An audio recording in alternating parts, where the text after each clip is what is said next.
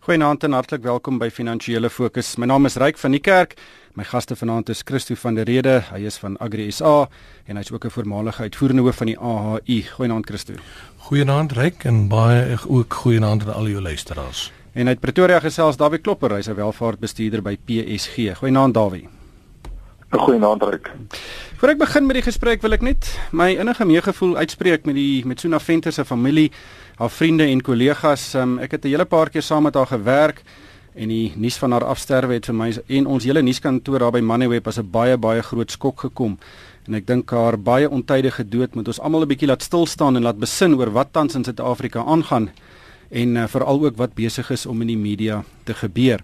So Christo op daai noot, kom ons besin 'n bietjie oor wat in Suid-Afrika gebeur. Nou ons het hierdie afgelope week twee groot nuusgebeure gesien wat amper 'n tasbare gestalte gee aan die probleme wat ons tans in die gesig staar. Nou die eerste ene is dat uh, AngloGold Ashanti aangekondig het dat hy twee van sy bedrywighede gaan sluit. Dis nie meer lewensvatbaar nie en hy gaan 8500 mense afdank in die proses. En dan ook het die SAL vir die hoeveelste keer uh 'n um, reddingspakket by die regering gekry uh omdat die lugdiens net eenvoudig nie sy skuld kan betaal nie. Daar's ook skynbaar nie eens kontant om lone en salarisse te betaal nie. Nou kyk jy die die ANC die uh, regerende party stoei nou by 'n beleidskonferensie, maar alwaaroor hulle stoei eintlik is die leierskapsstryd. Hoe moet ons Suid-Afrikaners hierdie tipe dinge in konteks sien? Ek dink as Suid-Afrikaners uh, moet ons besef dat uh, Suid-Afrika se toekoms kan ons nie meer in die hande van politici plaas nie en ook nie die ANC nie. Dit het tyd geword dat ons die ANC, jy weet, tot orde roep. En as die ANC ANC nie bevoeg is om hierdie land polities en ekonomies vorentoe te vat nie, dan uh, moet ons net net bloot eenvoudig die kussings uithaal. Hoe ons hulle uit die kussings gehaal bly 'n vraag. Uh ek is seker of ons oppositiepartye sterk genoeg is nie. Ek is uiters bekommerd oor die stand van sake in mynbou, maar ons moet onthou dat hierdie waarskuwings oor die stand van mynbou reeds al 'n geruime tyd uh saam met ons is. Mbeki se broer het seker so 10 jaar gelede ons gewaarsku. Gesê maar as 'n land kan ons nie net op uh kommoditeite staat maak nie. Ons moet uh jy weet na sekondêre prosesering gaan kyk. Ons moet na waarde toevoeging kyk om die om die ekonomie vorentoe te vat. Is my ook interessant dat die bestuur van Anglo Ashanti sê maar hierdie probleme wat hulle nou het, het eintlik niks te doen met die mynbehandwees nie. Dis het alles te doen met die ekonomiese toestande in landbou. Uh nou ja, uh ek ek ek twyfel, ek het baie twyfel in terme van dit. hmm. Maar uh dan is daar ook 'n ander uh, uh jy weet uh uh, groot uitdaging wat ek het en dit hou verband met met SAL. Uh jy weet uh as as mense gaan kyk na die rol van staatsondernemings, dan kan dit ongelooflike bydrae lewer om jou land vorentoe te vat. Daar's navorsing wat vir ons sê dat staatsondernemings dra so wat 20% by tot kapitaalvorming in die land. Um, en uh, jy weet dit dra groter dit speel 'n groot rol in terme van ekonomiese ontwikkeling vir veral aan die infrastruktuur ontwikkelingskant. Jy weet Sanderland speel 'n groot rol, Eskom en so voort. Nou ja, wat uh, het ons vandag mee te doen? Ons het vandag met vlakke van onbevoegdheid wat regtig waar uh ten hemel skreeu en en ons kan al die geld in die wêreld agter hierdie staatsondernemings gooi. En maar dit gaan nie die probleem oplos nie. Ons gooi jaar na jaar gooi ons geld agter staatsondernemings. Hmm. Maar uh ons sit voortdurend met 'n probleem. En hoe gouer ons van hierdie vlakke van onbevoegdheid ontslaa raak, hoe beter. Daarby kom ons gesels gou net bietjie verder oor die mynbou uh, en AngloGold Ashanti. Ehm um, en dit is werklik is ek dink daar is 'n wanbegrip binne in die regering oor hoe winsgewend daai bedryf is en en hoeveel ehm um, regulasies dit nog kan hanteer. En uh hierdie is 'n baie baie baie tasbare ding om te sê luister, ons kan regtig nog geen strooihalms bekostig nie. Uh hierdie die bedryf is besig om dood te loop en uh weet help eerder as wat uh, nog verder vat. Ja, ryke mense moet saamstem met jou ehm um, beskrywing van die situasie. Ehm um, feit van die saak is hierdie myne het nou aan die einde van hulle lewensduur gekom. Dis myne wat nou al hoe lank al in bedryf is, 60 jaar. Die goud raak jaries waarop draak al dieper om daardie goud uit die grond uit te haal. Die prys van elektrisiteit wat nodig met eh, die prys van elektrisiteit het oor die tyd uh, wat hulle hierdie goud uh, probeer uit die grond uit al geweldig gestyg die afgelope 5 jaar. Het iets soos 300% gestyg En dit maak dit net soveel moeiliker vir hierdie mynboubedryf om inskewend te bly. Ehm um, dit is sodat ehm um, hulle met 'n klomp regulasies te kamp het, met 'n klomp druk wat op hulle geplaas word. Dieselfde geld, dis nie die goudmyne vir wie dit geld geld ook vir die platina myne. Die prys van hulle produk het gedaal. So dit is nie 'n vreeslike winsgewende bedryf nie en ja, hulle gee 'n klomp werk, maar as ons dit nie erken binne die konteks miskien van 'n groter plan nie, dan gaan ons 'n situasie kry waar die myne eenvoudig net sê ons moet toemaak want ons het nie 'n keuse nie, ons maak verliese. En ehm um, ja, Anglo Gold dink ek het nie 'n keuse gehad nie. Dit is nie as gevolg van die nuwe mynbehandels wat hulle hierdie besluit neem nie. Dit is 'n doodgewone ekonomiese besluit gewees. Hmm. En dan die SAL, nou die 2,3 miljard ehm um, reddingsboei wat hulle nou kry om Standard Chartered se lening terug te betaal kom uit die nasionale inkomste fonds. Nou dis 'n baie interessante fonds. Dis daar om nasionale noodgevalle te finansier soos aardbewings en vloede. En hier word dit uh, gebruik om uh, soos uh, Christo gesê het uh, onbevoegdheid te finansier. Inderdaad so, ehm um, dit staan 'n charter het gedreig hulle gaan nie hulle het gesê hulle gaan hulle lening omrol nog 'n keer rol nie. Hulle is bekommerd geraak oor die vermoë van die staat en dan hy al om hierdie lening terug te betaal staan dit staan 'n charter lyk like my glo as jy wil paniekerig raak moet jy dit eers doen.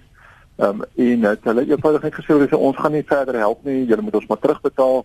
Die staat en die Israel het dan nie, nie geld gehad op ander plekke nie en hulle moes eenvoudig in hierdie bron gaan ehm um, geld uithaal om dan nou te betaal. En dit is 'n onderneming wat 370 miljoen rand per maand verloor op die oomblik. Ehm um, die vraag is dit gaan gaan dit beter begin gaan nou in die volgende aan een volgende klompie maande het gaan hulle omdraai strategie werk weet wat doen hulle om dit behoorlik ehm um, iets uh, iets daar rondom te doen? Ek dink die plek moet geprivatiseer word. Dat en as jy staan en nou sê dit is 'n strategiese bate moet jy sê die strategiese roetes daardie roetes wat miskien nie wins maak nie gee dit uit vir 'n klompie ander rederye om almal daarvoor te bi en en dan betaal jy vir hulle om dit vir jou te bedryf en dat die winsgewende deel dan op sy eie bene staan. Maar op hierdie manier kan ons nie aangaan nie. Ons kan eenvoudig nie toelaat dat belastingbetalers geld so gemors word nie. Miskien net hierby aansluit uh, Rek wat my uh, tot groot uh, bekommernis stem is die feit dat jy weet tydens die bewind van Provan Gordhan was daar redelike beheer oor hierdie tipe van goed.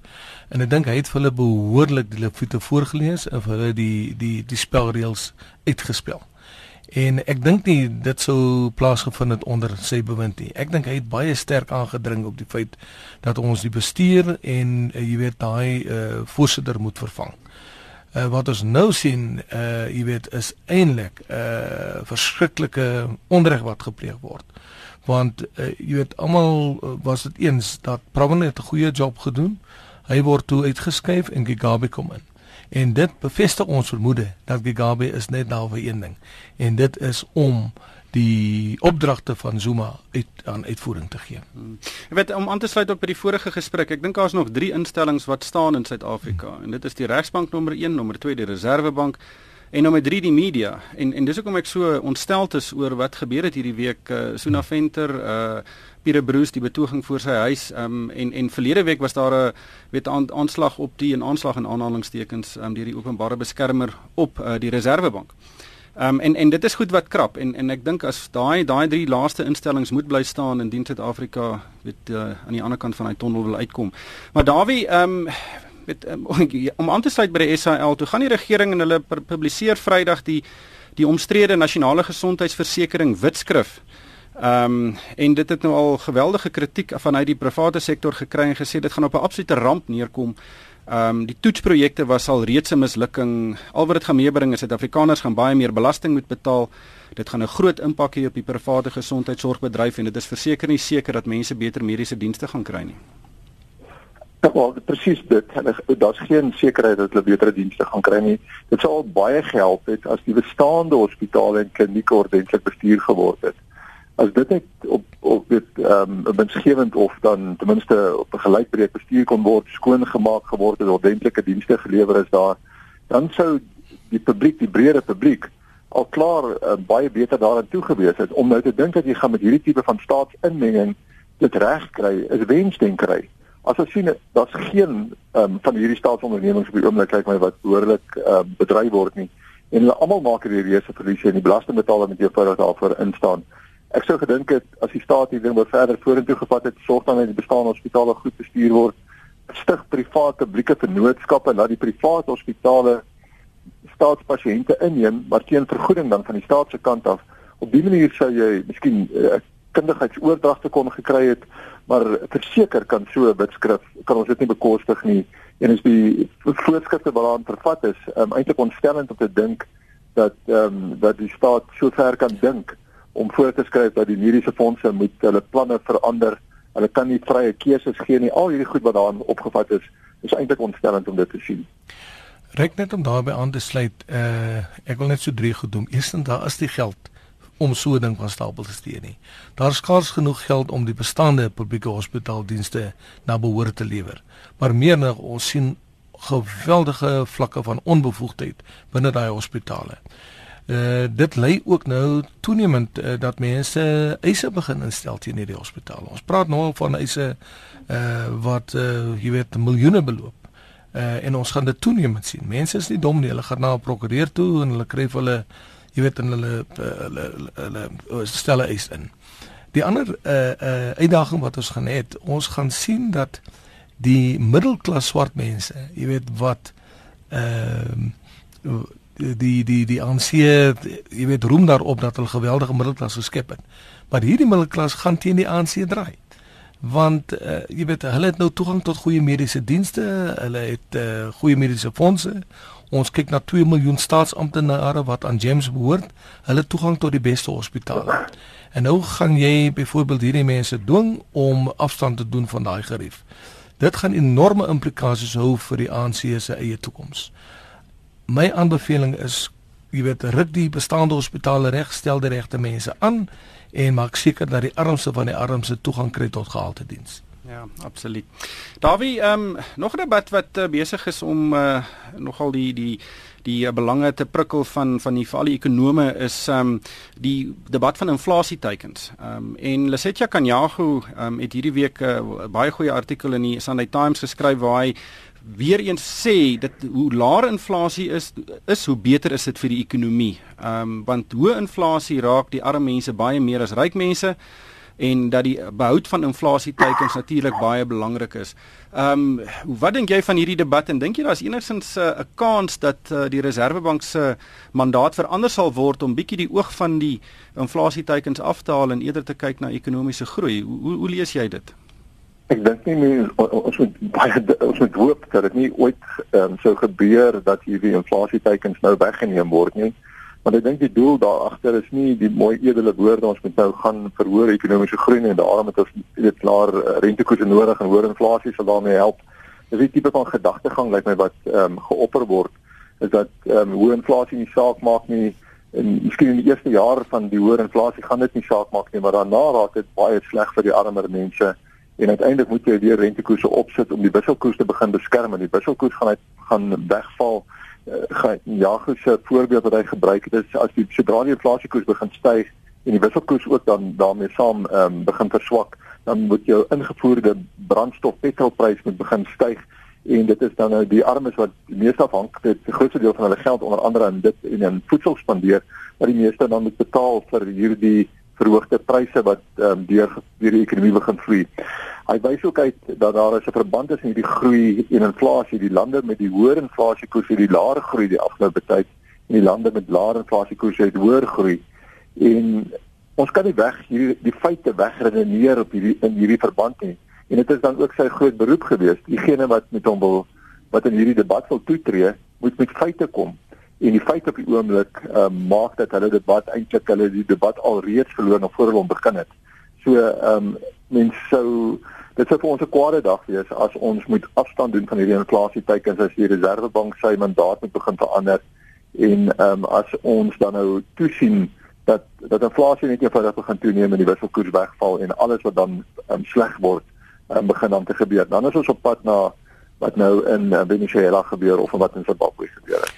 Jy sien er reik waarmee ons word in Suid-Afrika is dat ons het voortdurend mense wat die blame verskuif. Uh, jy het ministers wat in beheer is van verskillende staatsdepartemente. Daai staatsdepartemente het elkeen 'n spesifieke mandaat. En as elkeen sy mandaat na behoore uitvoer, jy weet, dan kan daar 'n sterk basis gelê word vir ekonomiese groei. Elkeen van hierdie staatsdepartemente se sterkste sterkste uh, bestaansreg is eintlik gesetel in beleidsvorming. En as die verkeerde beleid gevorm word, dan het dit direk impak op uh jy weet ekonomiese groei en ekonomiese aktiwiteite. Die Reservebank het 'n baie beperkte rol en dit is om die rand te beskerm.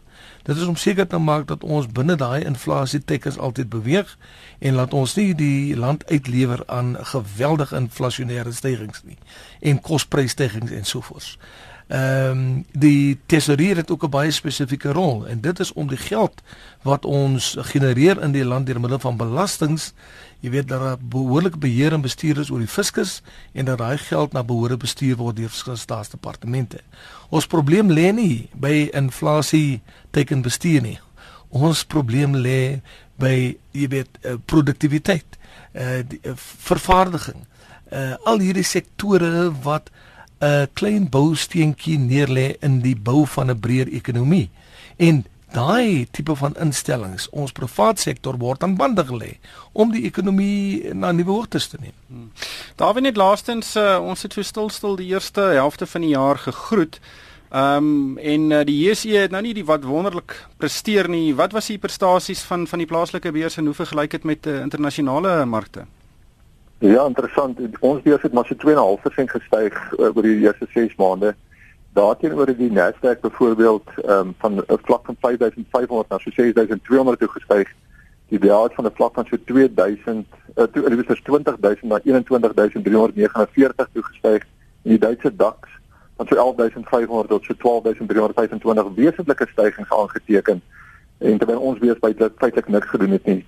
Wat ons natuurlik ook gesien het oor hierdie periode is dat die rand is wel verstewig en dit het vir 'n 'n Suid-Afrikaner wat in die buiteland belê het, sy opbrengste sou ook nie so goed gewees het soos wat hierdie syfers is wat ek nou genoem het nie. So dit was miskien 'n anomalie van die afgelope 6 maande is dat die rand baie versterk het, baie meer as wat baie mense gedink het moontlik was. Maar daarby wat my bekommer, sedert hier middel Mei se kant tot uh, Vrydag toe hierdie beurs die JSE se indeks vir alle aandele met 5% geval en dit lyk asof hier uh, ons op pad is na 'n uh, sogenaamde amptelike regstelling toe wat 'n uh, 10% daling is. Uh, Dink jy mense kan na daai kant toe kyk of is dit maar net 'n tydelike af, afname? Dit was 'n skerp skielike terugsakking wat plaasgevind het in die afgelope maand wat jy nou genoem het. Ehm um, die feit van die saak is is dat ehm um, dit mens met dit die beurs verhandel in hierdie band van tussen 50000 en omtrent 55000 al vir 3 jaar lank. Hy is nou weer besig om die onderste band te toets. Ehm um, en gaan hy nou deur gaan onder toe net toe ek 'n maand wat terug begin opgewonde raak het na bo wil uitbreek, toe draai nou weer om, beweeg nou weer af en nou seker die vraag wat gaan keer dat hy verder val en kan daar gekeer word dat hy verder val op hierdie stadium. Ehm um, daar is 'n klomp faktore wat 'n rol speel in hierdie verband. Naspers se vertoning in sy eie reg is baie belangrik en natuurlik die hulpbronsektor is baie belangrik en die en die finansiële sektor. Ja. Dis alles wat in die spel is op die oomblik. Die goed waaroor ons nou gepraat het tot dusver vanaand en dit sou sekerlik wees dat die beurs onder druk kan bly maar dan ook die rand um, se rol in die randverskansers. Um, as die rand iets wat verswak kan dit nou weer ondersteuning daardie kant toe gee. So ek is nie noodwendig negatief dat hy gaan verder skerp verder terugsak nie. Ehm um, maar ek dink ons moet hierdie ding van oomblik tot oomblik op die oomblik ontleed. Dit is moeilik om ja. te sien waar gaan die groei vandaan kom. Dit voel so asof uh, die winde van alle kante af teen ons waai. ja. Ongelukkig is dit alwaar vir ons tyd. Het. Baie dankie aan Christo van der Rede van Agri SA en Dawie Klopper van PSG en van my ryk van die kerk. Dankie vir die saamluister en ek hoop almal het 'n winsgewende week.